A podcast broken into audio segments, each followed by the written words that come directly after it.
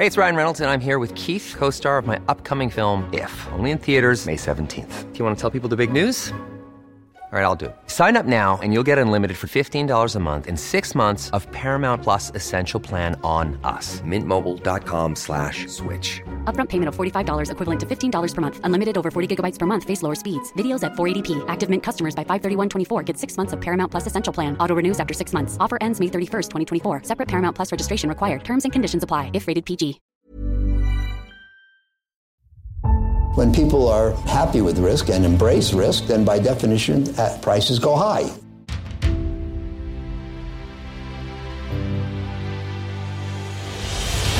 When the cycle turns down, they generally sell at prices that are far too low. This is not about getting more information. We live in a world where we have too much data. I'm uh, happy to report another stable quarter. Hallå och välkomna tillbaka till Aktiesnack. Det här är en podd som görs i samarbete med Kalkyl.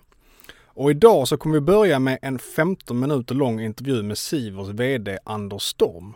Och efter det blir det ett avsnitt där vi drar lite spaningar.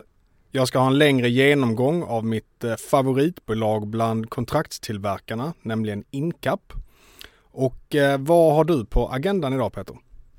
Ladies, Liquor and Leverage Bland annat och sen så ska jag prata om Meta som jag tyckte kom med en väldigt väldigt bra rapport också Och aktien var också upp 25% på den så att eh, marknaden håller med mig. Upp tusen miljarder kronor på en dag, det var inte dåligt. Mm, Och för Zuckerberg blev det en hel del pengar. Det blev det. Och idag så är vi även eh, sponsrade av eh, Pinpoint Estimates. Och när vi kollar på rapportsäsongen så är den ju igång och 14% av bolagen har hittills rapporterat. Och av dessa så har 42% hittills överträffat förväntningarna på resultatet. Så eh, på Pinpoint Estimates så kan ju du som bekant som privatinvesterare dela med dig av dina estimat på aktierna du äger eller följer och när du gör det så får du då ta del av Pinpoints eh, konsensusvärde som består av alla andra investerares estimat. Så att gå in och estimera först och sen så kolla på vad andra har estimerat också. På Pinpoint kan du utöver att se Pinpoints konsensusestimat även ta del av annan data som till exempel hur mycket ditt bolag har slått eller missat förväntningarna med historiskt. Eller vilken investerare då som tidigare har varit pricksäkrast i sina prognoser på ett specifikt bolag. Så gå in idag och lämna dina estimat inför Q4-rapporterna. Och vad säger vi då Magnus? Stort tack till vår sponsor Pinpoint Estimates. Stort tack! Vi har idag med oss Anders Storm som är VD på Sivers Semiconductors. Så varmt välkommen Anders! Tack så mycket, trevligt att vara här. Du kan väl börja med att berätta lite om eh, Sivers historia och eh, hur ni har kommit till där ni är idag. Ja, eh, Sivers är ju ett bolag som har funnits med ganska länge. Det grundades 1951 och eh, har varit i liksom, högfrekvensprodukter kan man väl säga under en väldigt lång tid.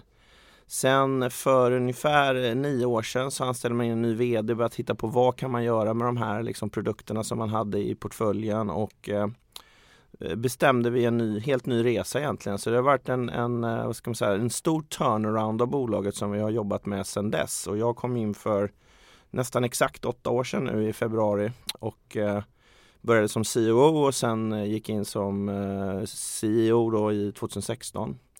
Och helt enkelt eh, byggt ett helt annat bolag och tittat på vilka marknader som finns och byggt upp nya produkter och eh, då fokuserat på från början 5G och sen har vi tagit in Photonics och vi har tagit in Satcom så att vi har liksom byggt upp bolaget runt ett antal stora megatrender som nu finns i marknaden. Så att, eh, det har varit en lång resa men, men nu börjar vi se frukten av det. Ja, för era delar är väl wireless och eh, photonics. Kan du berätta vad de två olika delarna innebär rent konkret och vilka, vilken typ av produkter det är? Mm. Ja precis, vi har två stycken affärsområden. Wireless då som idag nu senaste rapport stod för 54% av omsättningen eh, i Q4 och wireless gör då, där gör vi chip. Vi tar helt enkelt de digitala signalerna kan man säga och översätter dem till radiosignaler och det gör man i olika chip som kallas för beamformers eller RFICs eller transceivers. Och så skickar man ut det via en antenn och vi gör också designar den här antennen. Så det är liksom koppla den digitala världen till den analoga egentligen. Det är den, den signalomvandlingen vi gör och vi gör det på de högre frekvenserna där det finns då mycket bandbredd och sådär. Och sen inom Photonics så gör vi något liknande. Vi tar också de digitala signalerna och gör om dem till ljus och skickar ut dem med, med lasrar istället för med antenner. Då. Och det kan då användas i, i eh, olika saker som eh, exempelvis då fibrer eller, eller för sensorer i luften för att mäta något eller till en, en ljusradar som heter LIDAR där man kan då eh, se till att bilarna kör säkert på vägarna exempelvis. Ja men intressant och ni köpte ju Mixcom eh, förra året. Vad var rationalen bakom det förvärvet? Jo men det är en eh, väldigt viktigt steg för oss. Vi har ju varit väldigt eh, så att säga, Sverigecentrerade om man säger så i Europa och eh, Mixcom gav oss en chans att komma in i, i amerikanska marknaden och komma närmare den. Så det fanns egentligen nio pelare i, i det köpet i, i grunden så att säga för varför vi köpte dem. Kanske inte hinner gå in på allihopa här nu men ett antal av dem är ju förstås det ena är ju att komma in på den amerikanska marknaden och komma närmare där och där ser vi ju nu liksom tillgång till DARPA-pengar och nära universiteten och en av grundarna då av, av Mixcom, han är ju professor på Columbia University så att vi har kommit in djupt i det amerikanska ekosystemet. Eh, Sen hade ju då Mixcom exempelvis Global Foundry som är en av våra viktigaste foundries som sin leverantör och det hade vi då på wireless-sidan. Nu kommer vi djupare in också på Photonics-sidan där de har en Photonics-plattform som är kopplad till några av våra viktigaste kunder, exempelvis AR Labs. Och där ser vi nu en intressant pipeline med, eh, med Silicon Photonics-bitarna också där vi står för Photonics-bitarna och Global Family för silikonbitarna. Så det finns många sådana där aspekter i, i helheten som eh, vi har jobbat på i det. Skulle du kunna berätta om semiconductors i stort och vad skillnaden är på de här stora jättarna och Sivers? Ja, man kan egentligen dela in eh, halvledare eller semiconductors i kanske tre delar lite enkelt. Det ena är så som här digitala IC-kretsar och sånt där som, som många av de stora halvledarbolagen gör som man gör CPUer och, och GPUer och allt möjligt och det är ju framförallt eh, TSMC i Taiwan som, som gör sådana här kretsar då i CMOS och, och mindre och mindre noder. Vi har hört talas om det, 2-3 nanometer och så vidare. Sen har vi då halvledare som vi jobbar med, med som är silikon germanium eller RFSOI och sådana här saker som man då gör mer mixsignal och analoga halvledare istället för digitala. Och sen har man då det tredje biten som också vi håller på med då som är 3-5 compound semiconductors där man använder andra material för exempelvis lasrar eller, eller olika typer av halvledare, power amplifiers och sådär som är då galliumnitrid eller indiumfosfid som vi är starkare på då i laservärlden. Så det finns väldigt, väldigt många olika halvledare men det är, det är nästan de tre stora områdena och vi skiljer oss då jättemycket kan man säga från TCMC och de andra som då håller på med digitala halvledare. Kan du berätta lite mer om en typkund som ni har? För ni har ju några Fortune 100-kunder, så berätta gärna lite om den, liksom den mm. typiska mm. kundbasen och vilka ni säljer till. Precis, alltså den typiska kundbasen om vi börjar på Photonics då är den är ganska bred kan man säga. Vi har ju då Fortune 100-kunden som vi har hållit på med i fyra år som är ett, ett stort eh, eh amerikanskt eh, bolag inom Consumer Electronics eh, där vi tar fram en, en, eh, en sensor då. Och eh, Eh, de är väl en, en, väldigt, väldigt stor kund och de har ju stått för eh, 41 miljoner av våra totalt 130 i omsättning under 2022. Så de är liksom inte en typkund men de är, de är en otroligt viktig kund för oss. Sen har vi då som mer typiskt skulle jag vilja säga är de här tier 2, tier 3, alltså de som är lite mindre bolagen kanske som, som exempelvis AR Labs då som, som vi håller på och gör lasrar till nu till deras eh, Eh, så att säga, framtida dator, interna datorlösningar där man byter ut elektricitet mot ljus i datorer. Eh, där vi är liksom väldigt framgångsrika just nu. Och det är lite samma skulle man väl säga inom wireless där vi har mycket tier 2, tier 3 kunder som eh, typ Cambium, Adtran, den typen av bolag som är noterade på, på Nasdaq i New York men de är liksom inte de här gigantiskt största bolagen. Så vi har fler sådana typer av kunder kan man väl säga. Och sen har vi en hel del av de här liksom emerging market startupsen som är eh, ska man säga eh, framtidens bolag inom de här megatrenderna som jag nämnde AR Labs. Vi har då Um, Allspace med sina satellitkombitar. Vi har Airwine som gör liksom indoor backbone med 5G-prylar och så vidare. Så det är en ganska liksom bred eh, marknad vi adresserar fast med en begränsad mängd produkter som kan göra ungefär samma saker för många olika grejer. Så det, är en, det är en bred, bred produktportfölj egentligen och kundportfölj vi har. Och där pratar vi lite om kunder, men när det kommer till teknikpartners, vilka är era viktigaste där? Jo, men där har vi ju liksom då så att en, en av grundpelarna i strategin när vi liksom eh, började göra turnarounden av Sivers var ju liksom att hur ska vi hitta vägen i ekosystemet och hur ska vi liksom bygga ett ekosystem? Och då är det ju så när man är halvledarbolag så har man liksom en komponent som hänger själv i luften och man ska liksom lyckas sälja in den. Men för att den ska bli mer attraktiv så behöver man hitta bolag runt omkring som gör de andra komponenterna som kopplar ihop då. Och där började vi redan eh, 2017-18 någonstans med några som heter Integrated Device Technology som då var listade på, på Nasdaq i USA. Sen köptes de upp av Renesas och de är Renesas idag. Så att Eh, de är ju en av de stora partnerserna inom då det vi kallar för olicensierad 5G där de har ett modem och vi har den här RF. De står för den digitala biten och det kommer ju då från TCMC och vi står från den analoga biten så att säga. Så det är en typ som viktig, viktig partner. Sen har vi byggt upp liknande partnerskap med NXP. Nu senast med orden i Indien så är det Intel då som är eh, ett annat bolag som vi håller på med och sen har vi då liksom byggt upp med Global Foundries förstås som jag pratade om. Så att vi har byggt en, en liksom ett, ett, ehm, brett ekosystem och det är av, av två skäl. Det ena är ju då liksom att komma in i alla de här olika delarna och få traction. Men också att liksom som litet bolag hitta Eh, en ökad försäljning förstås. För att om man kommer ut i deras kanaler om, om vi har bolag som Intel eller, eller andra så har ju de tusentals säljare jämfört med oss. Så att då kan ju vi liksom piggybacka på deras, deras grejer. Så att det har liksom varit väldigt framgångsrikt hittills i alla fall. Och om vi kollar på ägarbilden för Sivers, hur ser den ut idag? Ägarbilden eh, består av ett antal ägare som har varit med en lång tid bakåt. Eh, så en av de största ägarna då heter Erik Fällström. Han har väl ungefär 13 procent idag. Eh, han var liksom redan med när, när vi liksom började göra om Sivers som man säger. Så han kom in också i en management buyout redan på 90-talet och har varit med sedan dess. Sen har vi en annan kille som kom in mer under uppköpet av eh, vårt fotonicsbolag eh, CST där som heter Keith Halsley som då har 5% och sen nu i och med köpet av eh, Mixcom så fick vi in Kairos och en del av Kairos eller en del av Mixcoms ägare. Så Kairos då som var den största venturefirman som satt i dem har väl ungefär 10% och sen har vi byggt upp en, eh, en stor eh, så att säga Eh, Eh, ägarstruktur också inom eh, eh, så att säga, institutionellt ägande. Så där har vi ju Robur, vi har tre fonder från Robur med ny teknik i spetsen förstås. AMF Pension, vi har tredje AP-fonden som har en liten andel. Och de står väl för någonstans 15% och sen har vi ett ganska stort retailfölje som också har varit en medveten satsning på att komma ut i retail. Vi har väl över 20 000 retail ungefär. Så det är ganska brett ägande och den första delen som jag pratade om ligger väl någonstans under 50% och sen retail eh, på toppen av det.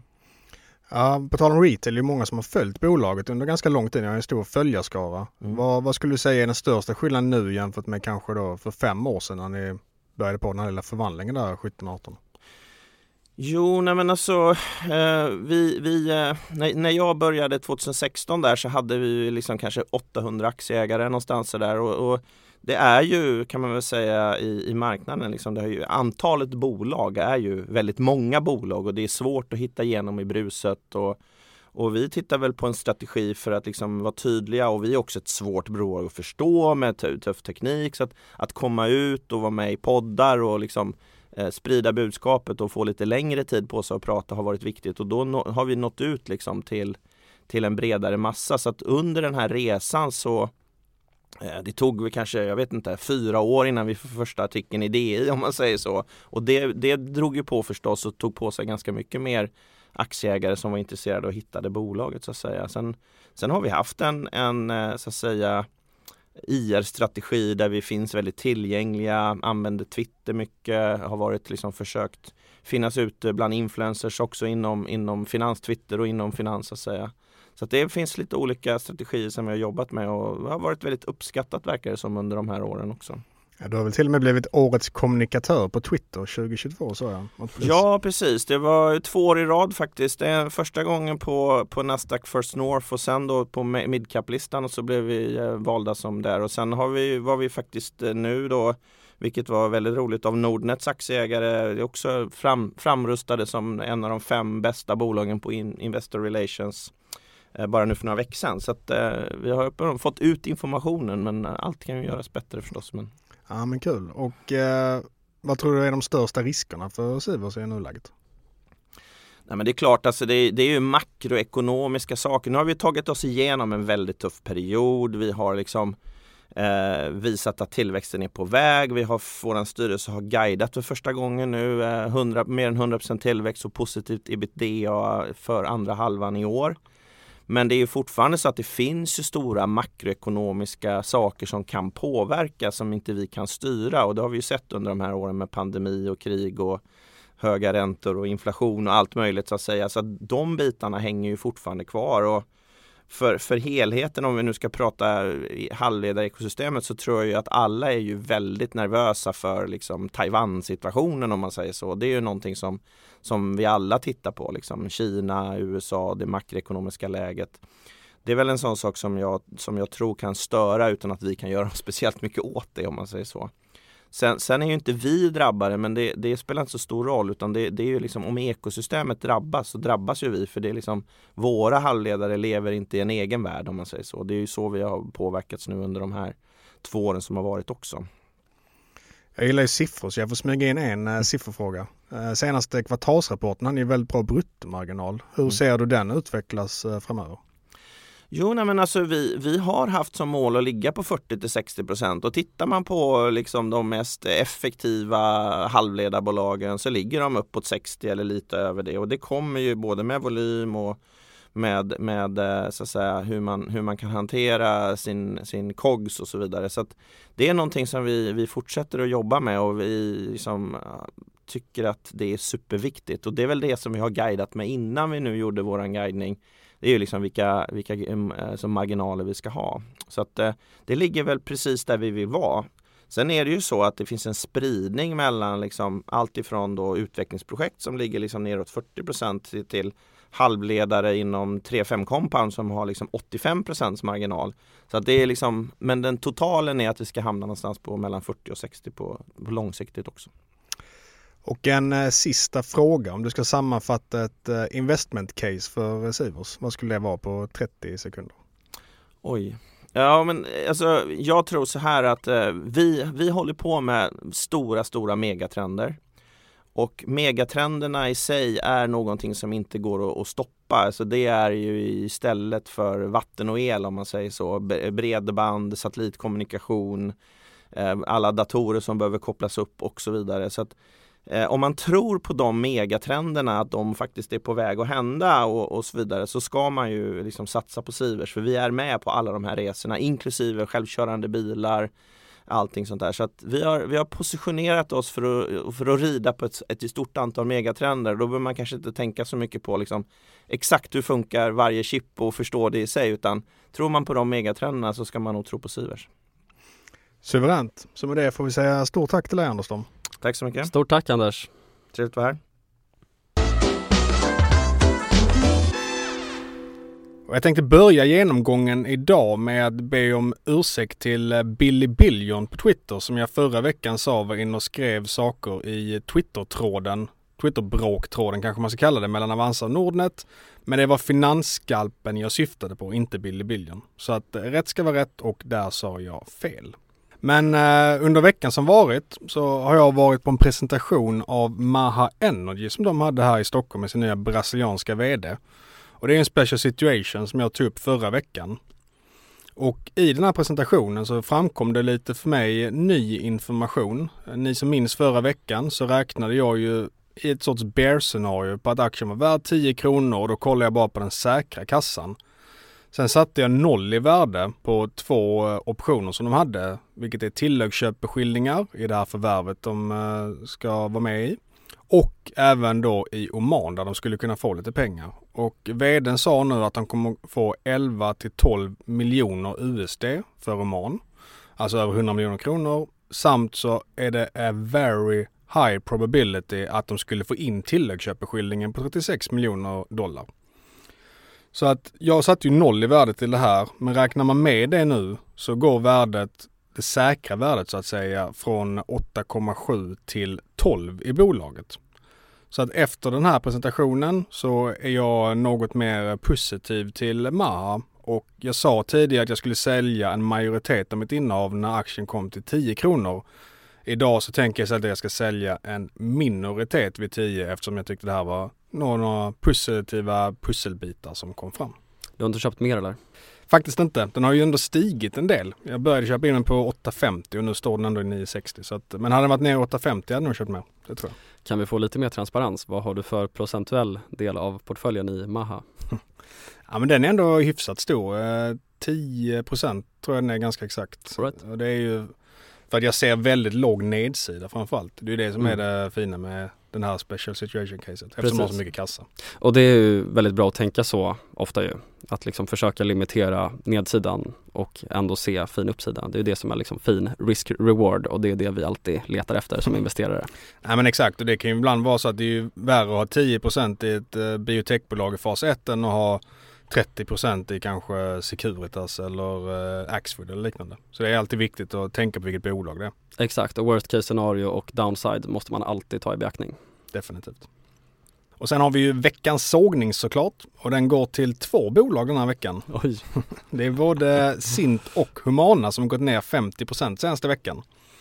Och eh, jag har inte superkoll på vad som har hänt i de bolagen så det är inte det vi ska fokusera på men Humana kom med nyheten att eh, de verkar ha misskött sin verksamhet lite och staten går in och säger att de inte ska få bedriva delar av verksamheten då. Och det kommer ju slå väldigt hårt mot bolaget såklart. Och eh, Sint kom med en vinstvarning och lite dåliga nyheter.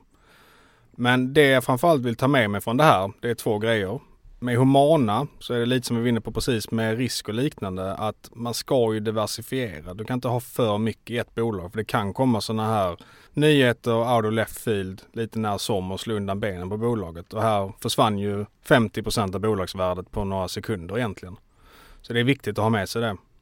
Och sen med Sint, där kan man ju ta med sig första läxan såklart också. Men man ska också komma ihåg det att de här sattes på börsen av ett riskkapitalbolag och när riskkapitalbolag sätter bolag på börsen då gör de det ofta för de tror att de kan få väldigt bra betalt. Inte helt sällan på grund av att det är en tillfällig topp i vinsterna som förmodligen kommer att sjunka framöver. För det här är ju finanshajar som vill maximera sin avkastning och att de dumpar då aktier på småsparare. Det finns ju ofta en anledning till det.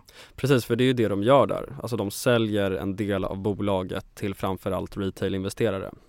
Exakt, och då har de ofta friserat upp det ordentligt innan. Så de kanske mm. har tryckt jättemycket på någon tillväxt eller de har skurit bort eh, personal som de då precis har slutat betala och då ser det jättebra ut i vinstutvecklingen och så vidare. Så att, alltså man ska ha väldigt bra conviction om man ska köpa en IPO som är riskkapitalbolag har satt på börsen. I Absolut, håller med dig. Och sen har vi även haft rapport från eh, Byggmax och de gjorde ju sin eh, kompis BHG sällskap med en väldigt svag rapport. Den kom in eh, 7% sämre på omsättningen än eh, Pinpoints konsensusestimat och eh, minus 42 miljoner istället för minus 2 miljoner i ebit som var prognosen enligt Pinpoint. Och det som jag tyckte var lite kul med den här rapporten det var att det var ju verkligen ord och inga visor från VD. Han sa att han förväntar sig en fortsatt mycket svag marknad i åtminstone första kvartalet. Och det är lite som vi tjatat om här med att sällanköpsbolag i Sverige kommer nog ha det jäkligt svårt. Och i prognosen så ligger det ju kvar ungefär 1% räntehöjning i Sverige. Så att jag tycker att Byggmax är ännu ett exempel på bolag som drabbas väldigt hårt av det här och jag tror att det inte är det sista och det är framförallt inte den sista rapporten som kommer att vara svag för den här typen av bolag. Och sen har vi ju eh, fangbolag som har rapporterat och eh, det är ingen rökarrapport överlag i den digitala sektorn. Jag sa att alla bolag har minskat vinsten med mellan 10 och 50 procent. Och eh, då ska man ju med sig att fangbolagen gynnades ju mycket av covid. Så det är lite baksmälla därifrån. Många till nog överspenderade den tiden också. Och sen så är det ju också lite konjunktur som eh, såklart som har spelat roll här. Men av eh, de här fangbolagen så var det ju ändå ett bolag som kom in extremt mycket starkare än förväntat och eh, vilket bolag var det Peter? Det var Meta och det ska jag ju prata lite mer om. Exakt. Sen så, var, sen så var det ju ingen dunderrapport när man bara kollar på till exempel revenue, precis som du var inne på, eller, eh, eller ebit för den delen. Ebit var ju faktiskt ner 49% men rapporten var ju väldigt stark mot vad som förväntades av Meta. Och det är alltid det som spelar roll. Exakt, och då, var, då gick ju Meta upp 25% faktiskt på den rapporten. Och eh, jag körde en väldigt djupgående genomgång av Meta i avsnitt 22 för den som är intresserad av det. Och då sa jag att jag tyckte att aktien var väldigt intressant och att jag såg en vändning i närtid. Och efter Metas förra rapport, alltså Q3-rapporten, så sa jag i ett annat poddavsnitt att jag var väldigt köpsugen återigen. Och sjukt nog så bottnade Meta-aktien nästan exakt samma dag som vi publicerade det poddavsnittet Magnus. Och hur mycket aktier köpte du? Eh, noll. Jag gå. tänkte säga det, Du- både du och de som följer podden vet ju att jag inte köpte, men you can't get them all. Så är det. Och eh, siffrorna såg ut så här då. Revenue var minus 4%, ebit minus 49% och marginalen gick från 37 till 20% och så ökade de då monthly active users med 4%. Så Meta har nu alltså 3,7 miljarder som använder deras tjänster månatligen och det är alltså 75% av jordens internetanvändare. Det är en ganska sjuk siffra. Ja, verkligen. Hur var priset per eh, annons under kvartalet? Eh, price per ad var ner 22% och jag kommer också prata lite om varför. Och Meta-aktien har ju haft det tufft ganska länge nu. Aktien är ungefär break-even på fem år, vilket är också väldigt, väldigt sjukt. Och det tuffa för Meta, det har ju inträffat framförallt det senaste året. Det var ju den här då iOS 14-uppdateringen som då satte käppar i hjulet för deras ads business. Och mer specifikt då så får man ju inte längre tracka vad användare gör på andra hemsidor och appar om inte användaren själv godkänner det. Och det har nat- naturligtvis då gjort Metas annonser sämre och det är också det som har manifesterats i, i siffrorna som jag precis rabblade upp då. Så om någon då på till exempel Instagram trycker på en annons så kan Meta alltså inte längre ta reda på om det till slut leder till köp. Och det kanske allra viktigaste här, det är att Meta kan ju inte heller vara lika pricksäkra i de annonserna som visas upp för sina användare eftersom att de inte längre får reda på vad till exempel du Magnus är inne på för sajter. Så att om du då går in på typ Care of Carl, alltså tidigare kunde de ju använda den datapunkten för att ge dig väldigt, väldigt pricksäkra annonser kopplat till just ditt användarbeteende och ditt liksom surfingbeteende. Vad är Care of Carl för något? Care of Carl, det är där, det är där jag köper kläder. okej. för exklusivt för mig. Yes. Och det här problemet hade ju egentligen inte varit ett problem om alla bolag blev drabbade på samma sätt och så kan jag tänka mig att, att många tänker nu. Eh, För det här eh, gäller ju egentligen alla bolag såklart, att du inte får tracka beteende om inte användaren godkänner det själv. Men både Google och Amazon klarar sig ju betydligt bättre gentemot den här förändringen. Så Meta har ju blivit så pass mycket sämre relativt sett mot både Google och Amazon. Och det är det som är det som är så jäkla dåligt för Meta. För vi ser att både Google och Amazon då tar marknadsandelar och växer deras ads business, deras respektive ads businessar mycket snabbare än Meta just nu. Hur som helst då så är aktien fortsatt jäkligt billig trots det här rallyt. På rullande 12 så har vi 15 gånger ev-ebit och nu när det dessutom är över ett år sedan den här iOS 14-uppdateringen rullades ut så innebär ju det att den här, branta nedgång, den här branta nedåtgående trenden som är hänförlig till det här såklart kommer avta. Och Zuckerberg tyckte jag också gav väldigt mycket positiva signaler i kalet och sa att 2023 är the year of efficiency. Och det tror jag var faktiskt en stor anledning till kursrallyt eftersom Metas andra stora problem senaste året, det har ju varit kostnadsbasen. Och det jag pratar om nu, det är alltså all capex som är relaterad till den här metaverse-satsningen. Och på kallet sa Zuckerberg att de då sänker capex guidance till att ligga i intervallet mellan 30 och 33 miljarder dollar och tidigare då så var det här intervallet 34 till 37 miljarder dollar. Så det här är också ett stort plus för aktieägarna. I synnerhet då så gillar ju investerare sådana här åtgärder när makroförhållandena ser ut som de gör.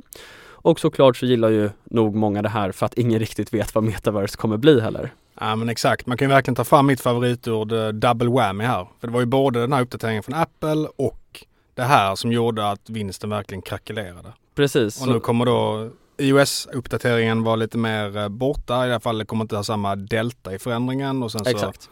åtgärdar de den här delen också. Precis så, precis så. Och ytterligare en väldigt positiv sak, det var ju att Meta gick ut med ett nytt återköpsprogram. Under 2022 så återköpte Meta aktier för ungefär 28 miljarder dollar, ungefär 7% av bolaget. Och vid utgången av Q4 så fanns det kvar 11 miljarder på befintligt återköpsprogram. Och så gick man ut med ett nytt program på 40 miljarder. Så Meta har nu alltså ungefär 50 miljarder att återköpa för då på befintliga program. Och det här är en variabel som jag verkligen då tycker är betydelsefull. Och det här var också en sak som jag lyfte som en potentiell trigger för aktiekursen sist jag pratade om Meta i podden. För Mark visar ju faktiskt i och med det här då att han vill skapa aktieägarvärde och att han vet hur man skapar aktieägarvärde. Och Meta själva tycker uppenbarligen att aktien är undervärderad när man återköper så här mycket. Sen kanske man faktiskt gör återköpen för att de inte får förvärva på grund av antitrust. Alltså någonstans, någonting måste de ju göra med pengarna. Och det här innebär också, som vi har pratat om tidigare, att en nedgång i aktien är ju faktiskt bra när de har så här mycket aktiva återköpsprogram. För ett återköpsprogram fastställs ju i antalet dollar, så om aktien går ner kan bolaget, det vill säga köpa tillbaka en större procentuell del av bolaget. Och det kanske absolut viktigaste, det är att man som investerare också har en psykologisk krockkudde i och med det här, alltså gentemot nedgångar. Det är jäkligt skönt, alltså kan du äga en aktie när du de facto vet om att okej, okay, jag är väldigt långsiktig i det här caset. Om aktien går ner så är det faktiskt bra för mig för att min ägarandel blir större för att de just nu återköper aktier. Och det där är ju någonting som Buffett har pratat otroligt mycket om. Ja men speciellt i de här tiderna är det ju verkligen nice att ha den effekten. Exakt. Och hur som helst då, för befintlig kassa och befintliga återköpsprogram så kan ju Meta köpa tillbaka 23% av bolaget på nuvarande värdering.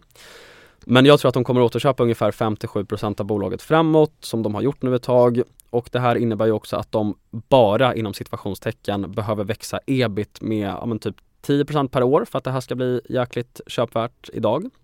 Och det är därför också som jag tycker att aktien är väldigt spännande. För vi har ju ett bolag då som har växt omsättningen med typ 1200% senaste 10 åren och free cashflow med typ 1000% Värderingen idag är långt under snittet men det är ju, den, den är ju det också av väldigt rimliga anledningar. Det är fortsatt en kassaflödesmaskin, de återköper väldigt mycket aktier, de har jättemånga spännande tillväxtoptioner och inte minst så har de den här enorma användarbasen som fortsatt borde ha väldigt stor potential att monetariseras ytterligare. Och innan vi avslutar Meta så måste jag också nämna en sak, vet du vad jag tänker på Magnus? Nej jag trodde faktiskt att du skulle sätta den, men det är ju good old Jim Cramer. Ja okej. Okay. Har han varit ute och horsat? Nej men det, jag tänkte nämna det här igen om att han grät ju i CNBC och bad om ursäkt till de som följer honom för att han hade haft så fel i Meta och då sa han också att han hade sålt Meta.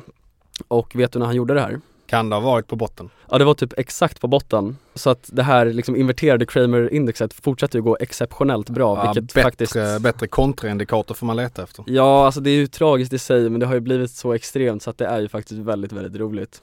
Så vad, vad tycker du Magnus? Var det där, känns det köpvärt? Jag tycker att Meta ser intressant ut. Eh, sen, eh, jag gillar ju inte supermycket de här överanalyserade bolagen och sen så är det också svårt att veta riktigt hur det kommer vända. Men jag tycker ändå att det är en intressant läge för Meta. Återköp är jäkligt nice och det är ju en kassaflödesmaskin som kommer finnas under väldigt lång tid. Precis. Jag tycker att akilleshälen i caset är ju tyvärr metaverse för att det är så otroligt svårt att veta vad det kommer bli och de lägger så ofantligt mycket pengar på det. Ja exakt.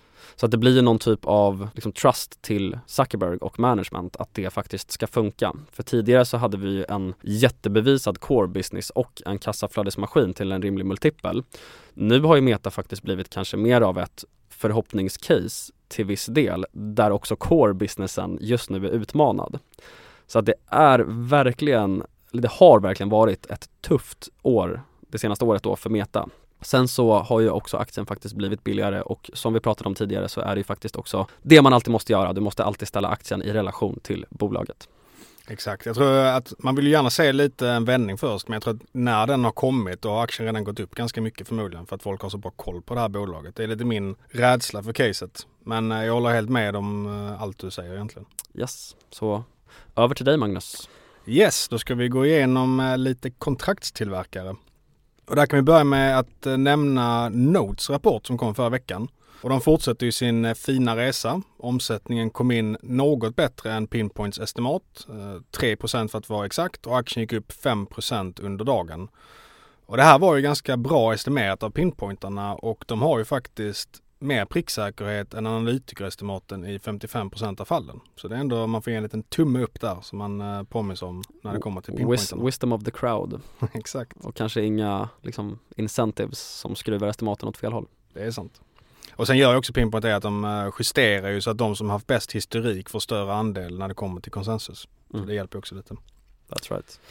Tillbaka till Note då så är det ett väldigt fint bolag i den här sektorn som vi pratat lite om innan. Jag gillar eh, bolaget och framförallt sektorn starkt och det beror ju på att man inte har så mycket produktion längre i Kina och liknande. Och det är ju på grund av att pandemin visar ju verkligen hur illa det kan gå när man är beroende av en leverantör som är en diktatur, kan stänga ner landet totalt. Man får inte fram produkterna, det blir brister och det lever vi fortfarande med idag 2023 trots att det var 2020 på våren det verkligen hände. Så det gör att jag tror att det kommer vara en långvarig trend där kontraktstillverkare kommer få mer och mer uppdrag som ligger utanför Kina och det gör att jag tror att det är ett långsiktigt väldigt bra innehav. Och vill man ha mer koll på Note så tycker jag att man kan lyssna in på Kvalitetsaktiepoddens eh, avsnitt där de intervjuade Johan Hagberg för ett tag sedan som är storägare i Note. Och han pratade även om sektorn och jag tycker att det var väldigt eh, givande. Men eh, jag har faktiskt ett bolag som jag gillar mer i sektorn än Note och det är Incap. Och det är för att man eh, har snabbare tillväxt, lägre värdering och högre marginal. Det är ett case som det surras lite om på quarterkontoret. Det är så? Mm. Ja, men det kan jag förstå. Vad säger de? Ja men det är bullish. Ja, det är gott att höra. Mm. Och bolaget bildades ju 1985 och de börsnoterades 1997. De är kanske mest kända för att eh, vdn är ju bisarrt jäkla stor. Han ser lite ut som eh, Kingpin i den tecknade Spiderman. Han har typ exakt den kroppshyddan. Mäktigt. Och eh, de har ju haft en otrolig utveckling på börsen de senaste åren. Jag skulle nu säga att det här kanske kan vara en av de bästa aktierna i världen de senaste nio åren. Vet du hur många procenten har gått upp på nio år? Ingen aning. 7900 procent. Jävlar. Från 0,24 euro till 19 euro idag. Alltså 79 gånger pengarna. Mm. Det är riktigt sjukt. Men i min mening så är bolaget fortfarande billigt. Man har ev-ebit på 2022 på ungefär 16 och på 2023 på ungefär 12. Och man har ju väldigt stor del av försäljningen från en kund. Och anledningen till att jag köpte in mig nyligen i Incap, jag har haft koll på det här bolaget ett tag, det är att jag blivit betydligt mer konfident i att ett, den här kunden är väldigt bra och två, att man har ett väldigt djupt samarbete med Incap så att man inte har lika stor risk att förlora den här kunden. Vad, het, vad heter kunden? Den är inte allmänt känd, men det är lite som med Smarta, att man vet lite vilka bilar de har även om man inte får säga det officiellt i pressmeddelanden. Så Victron heter kunden. Mm.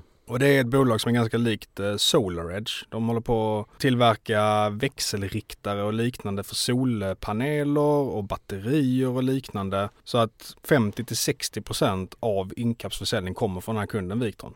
Så det är väldigt stor del och det är mycket därför de har växt så bra. Det är för att den här kunden Victron har växt väldigt bra. Och där fick vi ju se igår inte minst att det går fortsatt jäkligt starkt för växelriktare och inverterare. SolarEdge eh, sektorkollega Enphase Energy rapporterade igår och eh, det var väldigt, väldigt starkt fortsatt. De aktierna har ju verkligen gått bananas senaste åren. Ja verkligen och jag kollade på SolarEdge, de har ju ev-ebit på 82 i värdering. Ja. Och eh, jämför man det med Incap på 16 så förstår man att det är liksom den här typen av bolag värderas ju väldigt högt och det är för att det finns väldigt ljusa utsikter för den här typen av bolag. Mm. Och eh, som sagt den här kundkoncentrationen då, den ser man ju ofta som en risk men jag tycker även att man kan se den som en möjlighet egentligen. För att i min mening så är det ju bättre om du är väldigt tätt integrerad med en superkund som Victron än om du som många andra kontraktstillverkare har massa olika småkunder som du inte kan namnet på och du absolut inte kan analysera på något sätt. Det är ju också ett väldigt bra tillfälle för att göra skatterabatt research. Det vill säga att kontakta då det bolaget och försöka få någon bild av hur, hur tajt samarbetet faktiskt är och liksom eventuellt bygga en bild då av potentiell churn och sannolikheten för det. Exakt och där har jag pratat med en som har pratat med en försäljningschef på det här bolaget. Och de sa att de var väldigt nöjda med relationen och det var väldigt tätt samarbete. Så det är, det är egentligen därför jag har blivit så mer positiv till att man förmodligen inte kommer att förlora den här kunden. Och sen så har ju det här samarbetet varit under väldigt många år och man varit framgångsrika tillsammans, vilket också minskar risken för att man skulle förlora den här kunden då. Ja, det är Magnus Fischer. det vet du. Och Victron då, man har ju som sagt 70% laddare och växelriktare, 14% batterier och sen så har man övriga produkter eh, i resten av försäljningen. Och jag har kollat lite runt också online på deras produkter och varit inne och läst på reviews och liknande och det har varit extremt positiva recensioner. Det är många alltså bloggare som är entusiaster inom solpaneler och liknande som har skrivit jättepositiva recensioner. Man kan kolla på Amazon, om du skriver en Victron så kommer det upp eh, deras produkter och de har väldigt höga betyg. Det är inte långt ifrån fem på de flesta. Så att jag tror att Victron är ett väldigt bra bolag, väldigt bra sektor och att man kommer kunna växa under väldigt lång tid också. Hur ser ägarbilden ut? I Incap? Mm. Den är inte jättebra, det är det stora minuset tycker jag. Man har ungefär 1% insiderägande. Så det kunde ju definitivt varit med. Ja. Men sen en risk med Victron är väl lite grann att de inte noterade det bolaget. Så det är ändå ganska svårt att få insikt i om det skulle hända någonting eller om verksamheten skulle vända. Men eftersom de varit så starka under så många år och verkligen är en framgångsbransch och de har väldigt bra produkter så att jag ser i alla fall inte i närtid det som en stor risk att det skulle gå sämre för Victron egentligen. Och även om konjunkturen vänder ner så som bekant köpa solpaneler och liknande. Det är ju någonting som man idag ofta sparar pengar på. Speciellt i Europa med den energikris vi har. Så att jag tror att även i ett sämre konjunkturscenario tror jag att Incap hade klarat sig ganska bra på grund av Victron. Och eh, en spännande grej med Incap också det är att eh, när det kommer till personalen så befinner sig 78% i Indien, 5% i Estland, 7% i UK och 10% i Slovakien. Och skillnaden mellan Kina och Indien framförallt är ju att det inte är samma diktatur och risk för att det blir handelskrig med eh, USA och liknande eller med Europa för den delen. Så att du kan få en väldigt billig arbetskraft i Indien. Det är till och med hälften så hög snittlön i Indien jämfört med Kina. Förvånar mig lite. Det är väldigt positivt för att det kan göra, det innebär att du kan ha en högre marginal. Och det ser man också på Incap. De har 15% i ebit-marginal medan Note exempelvis har 10 och Scanfil har 5% och konkurrenterna Kitron och Inition har 67. Så att man har ju både väldigt bra tillväxt men det är också en väldigt bra marginal man lyckats hålla under den här tillväxten. Och sen så när vi kollar lite på siffrorna så har ju Incap redan guidat för hela 2022 och tar vi mitten på det intervallet så växer man 50% under 2022 medan eh, exempelvis eh, Note då växer ebit med 37% 50% var för ebit också för Incap. Det är två väldigt bra bolag i min bok. Hade jag inte fått röra min portfölj på 20 år så hade jag nog köpt in Note också. Men nu Oj. tycker jag att uh, Incap ser ut som ett bättre alternativ. Spännande. Ja men definitivt. Utöver då riskerna jag nämnt innan så är väl risken att det skulle hända någonting med Indien egentligen eftersom man har så stor arbetskraft där. Men jag tror att det ska ju väldigt mycket till egentligen innan det är så stor påverkan att man måste stänga ner den fabriken man har i Indien eller liknande. Och jag ser inte den risken som lika överhängande i Indien som jag hade sett i många andra länder som är lite mer utvecklingsländer. Ja. Så eh, sammanfattningsvis så tycker jag att eh, Incap är relativt lågt värderat givet tillväxten. Man är i en väldigt bra bransch, både när det kommer till kontraktstillverkare och då den största kunden som är inom solpaneler framför allt. Så att jag har använt eh, min försäljning från Mag Interactive och kastat in hela beloppet i Incap faktiskt. Boom! Köper imorgon? Um, jag tror faktiskt inte imorgon men... Du får kolla lite mer på det först Exakt ah, Ja men lät intressant Ja absolut, det lät skitintressant Alltid bra research från dig Magnus Ja, man tackar tackar men eh, sen har vi lite mer eh, filosof-Peter på gång också som vanligt. Ska prata lite belåning och cash. Jag har hört att du har intressanta spaningar där. Ja, men vi vill ju ha en utbildande och resonerande approach i podden och vi tycker därför att det kan vara en ganska nice krydda som lyssnare att man också får ta del av lite olika ämnen såsom kapitalallokering eller corporate communication eller hur investmentbanker värderar bolag och idag tänkte jag prata om belåning och cash. Vi har inte pratat om det här i podden tidigare, men det är faktiskt jäkligt intressant om de här ämnena då kombineras med lite second level thinking, så det tänkte jag försöka mig på. För den väldigt enkla slutsatsen man brukar få höra kopplat till belåning, det är att belåning är bra och rationellt om ens förväntade avkastning överstiger räntekostnaden för ett lån. Och ja, i teorin så stämmer det och det stämmer också matematiskt. Och när det går bra med belåning så blir ju såklart avkastningen på eget kapital avsevärt mycket högre och din partner kommer tycka att du är skitsmart, dina grannar och dina vänner kommer bli avundsjuka och så vidare. Kanske eventuellt poddkollegor. eh, och du kommer också tycka att du själv är jäkligt smart för den delen. Men problemet är ju dock att belåning funkar tills det inte gör det och en väldigt viktig del att beakta när det kommer till belåning är att vi människor är så jäkla irrationella. Och det gör belåning till ett väldigt mycket mer komplext ämne än att då belåning alltid skulle vara bra om förväntad avkastning är högre än kapitalkostnaden. För vi är ju faktiskt betydligt oftare psykologiska än logiska. Och alla som har läst Taleb har ju stenkoll på det här och med det perspektivet så tycker jag att man får lite annan bild av leverage. I Buffetts aktieägarbrev 2010 så skrev han så här History tells us that leverage all often produces zeros, even when it's employed by very smart people. Tankar om det Magnus? Ja, men jag tycker det är vettiga ord. Det finns ju väldigt många genom historien som har totalt uh, blowat upp på grund av att de har för mycket leverage. Framförallt när de fortfarande inte behöver det. För det är ofta en vanesak med lån att har du väl börjat med det då slutar du inte även när du väl skulle kunna dra dig tillbaka och du kanske till och med har miljarder kronor. Mm. Men man fortsätter ta den risken vilket man kan se till exempel på Rutger Arnhult, eh, räntan behövde höjas med typ eh, 3-4 procent. Sen så blev han margin callad och behövde sälja jättemycket. Och han behövde ju verkligen inte de där extra miljarderna men det blir som en drog. Man behöver mer och mer hela tiden. Precis och just det brukar Buffett prata om också att leverage är addictive. Och det finns ju så många exempel på det här. Det var någon McKinsey-topp, jag tror att han var VD på McKinsey och var liksom dollar mil, miljonär, jag vet inte om han var dollarmiljardär men han hade otroligt, otroligt mycket pengar sprängde sig på grund av leverage och så vidare. Det finns massa, massa exempel på det.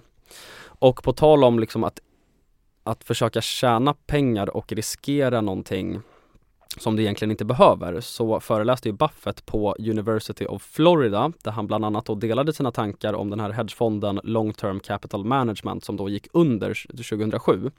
Och då sa han så här To make money they didn't have and didn't need, they risked what they did have and did need, and that's just foolish. That's just plain foolish. Doesn't make any difference what your IQ is. If you risk something that is important to you for something that is unimportant to you, it just doesn't make sense. Så du var lite steget före här Magnus. som, som alltid. Men kontentan av det här, det blir ju att det är verkligen aldrig värt att ta risk om risken medför att ett potentiellt utfall är att din portfölj går till noll, även fast expected return och risk reward ser bra ut. Så när det kommer till belåning så är det väldigt viktigt att inte belåna sig så pass mycket att man riskerar att bli utraderad. Punkt. Och det är ju precis samma anledning som vi var inne lite på tidigare, att du ska heller inte stoppa alla pengar i samma aktie. För du vet inte, det, det kan vara någon fraud, det kan vara fiffel med siffrorna och saker kan ske väldigt, väldigt snabbt. Och lite som du var inne på, det är väldigt lätt att vara ett geni med lån under 1, 2, 5, 10, kanske 30 år. Men det kommer ju några sådana generationskrascher för allihopa som exempelvis när börsen gick ner 90% 1929 till 31 eller vad det var. Och då kan du definitivt inte ha ett lånebelopp som du hade kunnat ha de 30 åren tidigare. Så att det är de här outlier-eventsen som verkligen kan slå undan benen på det totalt och det är ju det man verkligen vill undvika. Precis. Samma sak går att applicera på betting. Alltså så här, om du lägger in allt du har hela tiden, även fast du bettar på saker som är väldigt säkra, så kommer du till slut få noll. För att det finns alltid en liten, liten risk för att, det, att eh, du inte kommer vinna bettet. Och allt som multipliceras med noll det försvinner ju. Det, det är ju noll. är Och det är verkligen, börsen är ju outlier-event i ett nötskal. Oh ja. Så om vi går över lite på cash då, som faktiskt ofta kan vara en väldigt fin tillgång. Men det gäller ju samma sak här. Alltså inte matematiskt kanske och inte i teorin, men med perspektivet att vi är irrationella och att vi inte kan förutse framtiden och att risken för Black Swans alltid kommer finnas så framstår ju plötsligt cash som en väldigt fin tillgång skulle jag säga. Och Black Swan är ju förresten ett begrepp då som Nassim Taleb myntade och det betyder alltså en plötslig, oförutsägbar, negativ händelse. Och viktigt när det då kommer till både belåning och cash, det är att någonting som aldrig har skett är ju inte samma sak som att det aldrig kommer ske. Eller hur? För det här innebär ju i sin tur att det är så ofantligt svårt att kalkylera då framtida risk och framtida worst case scenarios. Och jag tror snarare att komplexa matematiska modeller för att hantera fat tail risk skapar en illusion av kontroll. Alltså man kan ju ha hur stort sample size som helst och i teorin ha statistisk signifikans men det är så jäkla många variabler som alltså inte går att ta hänsyn till vilket gör då att de flesta makrorelaterade risk management-kalkyler som bygger på statistik egentligen borde slängas i papperskorgen eller to hard pile enligt mig. Håller du med? Nej men definitivt, det är en poäng där och det kan man ju se lite på eh, senaste året där det som vanligt var så att folk var jättebearish i höstas och sen så nu är folk väldigt bullish när det egentligen är upp ganska mycket på börsen och det är inte så att alla problem har försvunnit. Vissa makrodatapunkter har blivit lite bättre men de har ju lite mer kommit efter den här tjurrusningen som var i oktober. Så det gör att det blir väldigt svårt och även om du får rätt så är tajmingen väldigt svår. Det, det är bara för svårt. Precis, och en väldigt intressant övning på det här temat är att man kan gå tillbaka två, tre, fyra år och läsa prognoser på makroekonomin. Och bara det gör ju typ att man aldrig kommer lita på en makroprognos igen. Ja, centralbankchefer, de är professorer men de, de är inte jättebra på prognoser. Ja, men så här, vem hade kunnat lista ut att covid-19 skulle komma? Vem hade kunnat lista ut att Ryssland skulle invadera Ukraina? Det går inte. Nej. Och hur skulle du definiera cash då? Uh, ja men det är väl uh, kontanter som uh, inte är låsta i räntor. Ja, jag skulle definiera det som en option på möjligheter. Och sen en viktig del också på cash, det är att cash blir mer värt när börsen sjunker och mindre värt när börsen stiger. Det, det är heller inte egentligen en statisk tillgång som många hävdar. Alltså cash, det är ju stabilt i pris men inte på värde skulle man kunna säga. En annan viktig sak att belysa är att det är ju såklart bedrövligt att behöva sälja finansiella tillgångar såsom aktier i en marknad med få köpare och många säljare, i synnerhet då för illikvida tillgångar. Och det är ju väldigt, väldigt lätt att tänka så här, jag kommer inte sälja om börsen går ner för att jag är långsiktig och jag vet att börsen alltid går upp. Men det man måste tänka på som också sker när börsen går ner, det är att ekonomin går ju också parallellt ofta väldigt dåligt, alltså när börsen går ner. Och vad händer då? Företag kapar kostnader vilket gör att sannolikheten blir högre för att bli av med jobbet och så vidare. Och blir inte du av med jobbet så kanske din fru blir av med jobbet. Och det här ökar ju då såklart risken markant för att tvingas bli en säljare under den absolut sämsta tänkbara tiden och det får inte ske. Det är ju typ det värsta som kan hända en investerare. Och här kommer en till rad då från Warrens aktieägarbrev från 2010. During the episodes of financial chaos that occasionally erupt in our economy, we will be equipped both financially and emotionally to play offense while others scramble for survival. That's what allowed us to invest 15.6 billion dollars in 25 days of the panic following the Lehman bankruptcy in 2008. Och observera här att han skrev equipped both financially and emotionally. Och den finansiella delen den är ju väldigt självklar, alltså de har kassa och de kan köpa. Men den psykologiska effekten är också jätteviktig att belysa här som tillkommer när ens portfölj går ner och det har vi tjatat jättemycket om tidigare. Det vill säga att det är då lättare sagt än gjort att vara långsiktig och att inte sälja i panik under sämre tider. Och nej, volatilitet per se är inte risk. Men återigen då, om vi betraktar oss som att vi är psykologiska istället för logiska så får man ju ett annat svar. Och sanningen är då att om en investerares temperament påverkas mycket av volatilitet så är ju volatilitet för den personen de facto risk.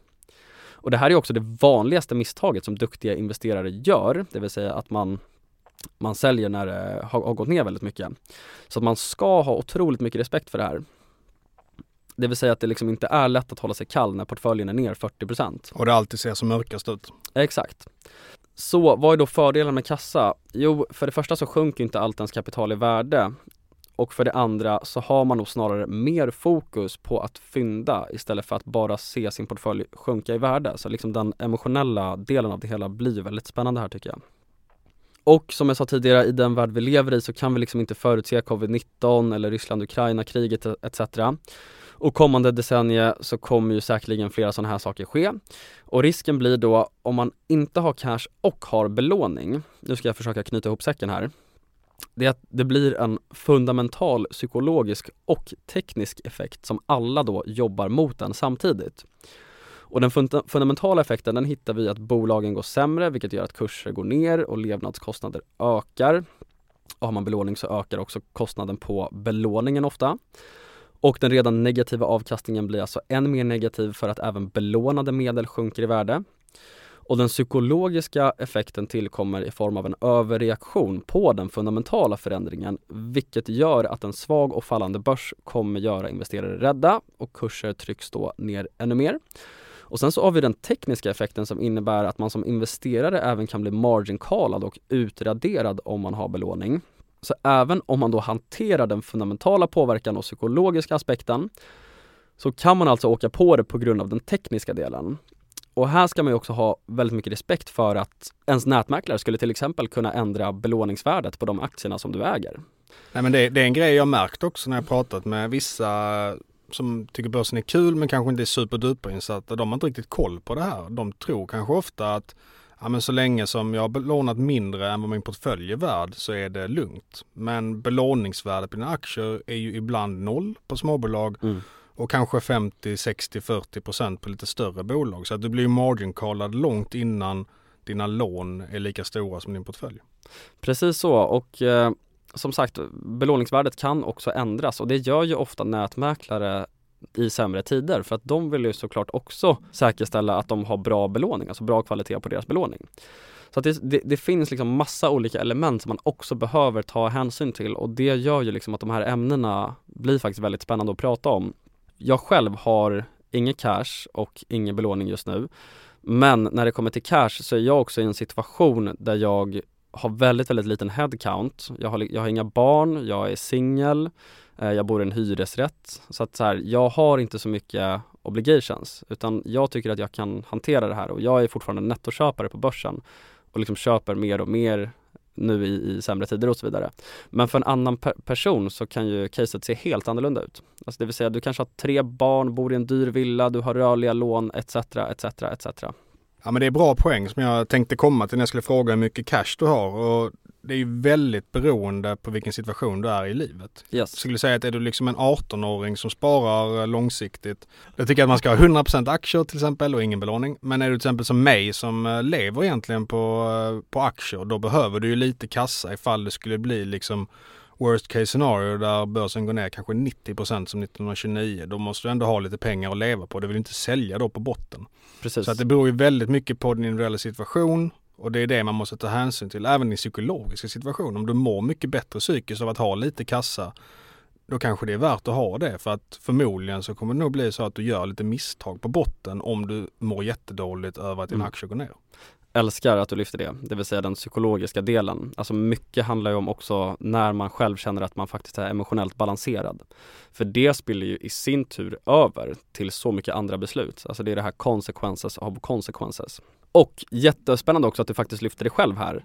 Hur såg det ut för dig? För jag vet att när du slutade på Penser så eh, marknaden föll ju väldigt, väldigt brant precis efter det och då var ju du fulltidsinvesterare. Så hur såg det ut för dig då? Hade du kassa och hur kändes det liksom emotionellt etc? Ja men där får jag ju eh, ta på eh, skämskudden lite för att jag, då hade man ju extrem... Du hade be belåning, 50%? Nej jag hade ingen belåning. Men det var ju då november 2021 och man hade ju enorm hybris. Så att jag låg ju fullinvesterad även om man borde kanske haft lite kassa. Men ganska snabbt in på 2022 så man, behöv, man behöver ibland den här psykologiska känslan för att inse vissa grejer och det behövde jag för att inse att oj, det, liksom, det känns ju inte jättebra när det går ner nu, man ligger fullinvesterad, man kommer behöva sälja aktier om någon månad för att uh, leva helt enkelt. Mm. Så att från det så kommer jag alltid ha en del kassa i alla fall. Så jag klarar mig ungefär ett år framåt i alla fall. Sleep adjusted return, Un Exakt, underskattat. Jag trodde du skulle droppa nu bara, ja men jag, jag är faktiskt tillbaka på penseln nu. ja man tänkte ju det ett tag där 2022 men det har ordnat upp sig. Ja. Jag tänkte avrunda här med två riktigt powerful eh, citat och det första är från Howard Marks och det är There are old investors and there are bold investors but there are no old bold investors. Och sen ett lite roligare citat från Charlie Munger. Smart men go broke in three ways. Liquor, ladies and leverage. leverage. Grymt! Så med det så får vi eh, sammanfatta dagens avsnitt lite. Uh, vi har haft intervju med Sivers. Vi har gått igenom min favorit i kontraktstillverkarsektorn Incap. En intressant genomgång på Meta, lite börsnyheter som vanligt och sen så intressanta grejer kring belåning och cash som faktiskt är två väldigt viktiga områden som många investerare bortser från. Det spelar inte så mycket roll tills det verkligen gör det, men när det gör det då kan det vara totalt avgörande för hela din portfölj. Ja. Så med det så eh, vill vi igen eh, tacka Pinpoint och nu när rapportsäsongen för Q4 är igång så vill vi då påminna alla om att gå in på pinpointestimate.com och lämna era estimat. Och nu i veckan så har vi bland annat kursraketen Hexatronic som rapporterar och de har ju över 118 estimat. Och även Transtema som vi tidigare har pratat om kommer rapportera. Länk till Pinpoint hittar du i bion, så vi säger återigen stort tack till vår sponsor Pinpoint Estimates. Ha det fint så hörs vi nästa vecka. Ha det!